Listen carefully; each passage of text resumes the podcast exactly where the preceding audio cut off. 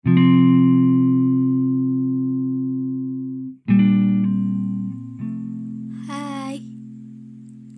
aku ingin mengucapkan terima kasih buat kalian yang udah dengerin podcast aku.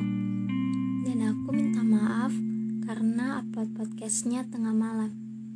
Ini adalah podcast pertama aku, dan aku mau ngucapin selamat mendengarkan buat kalian para pendengar podcast baru aku. Ya, pokoknya di podcast ini akan ada banyak hal yang aku akan ceritakan. Semoga kalian gak bosan dengerin suara aku ya.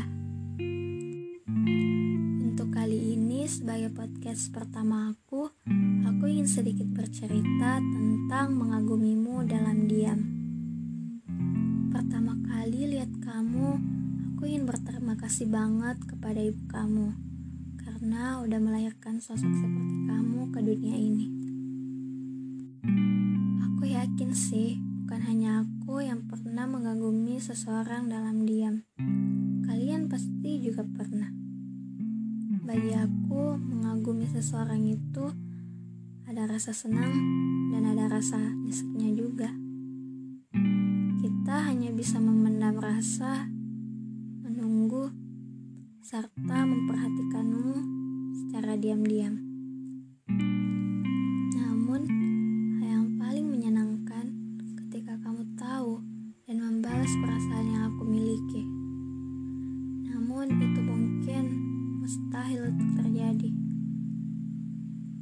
Bagiku, inilah cara aku mengagumimu secara diam-diam, tanpa ada satu orang pun yang tahu. Bukan berarti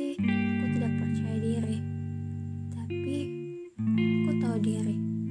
Yang mungkin karena aku yang biasa-biasa saja, yang gak sebanding dengan kamu yang nyaris sempurna.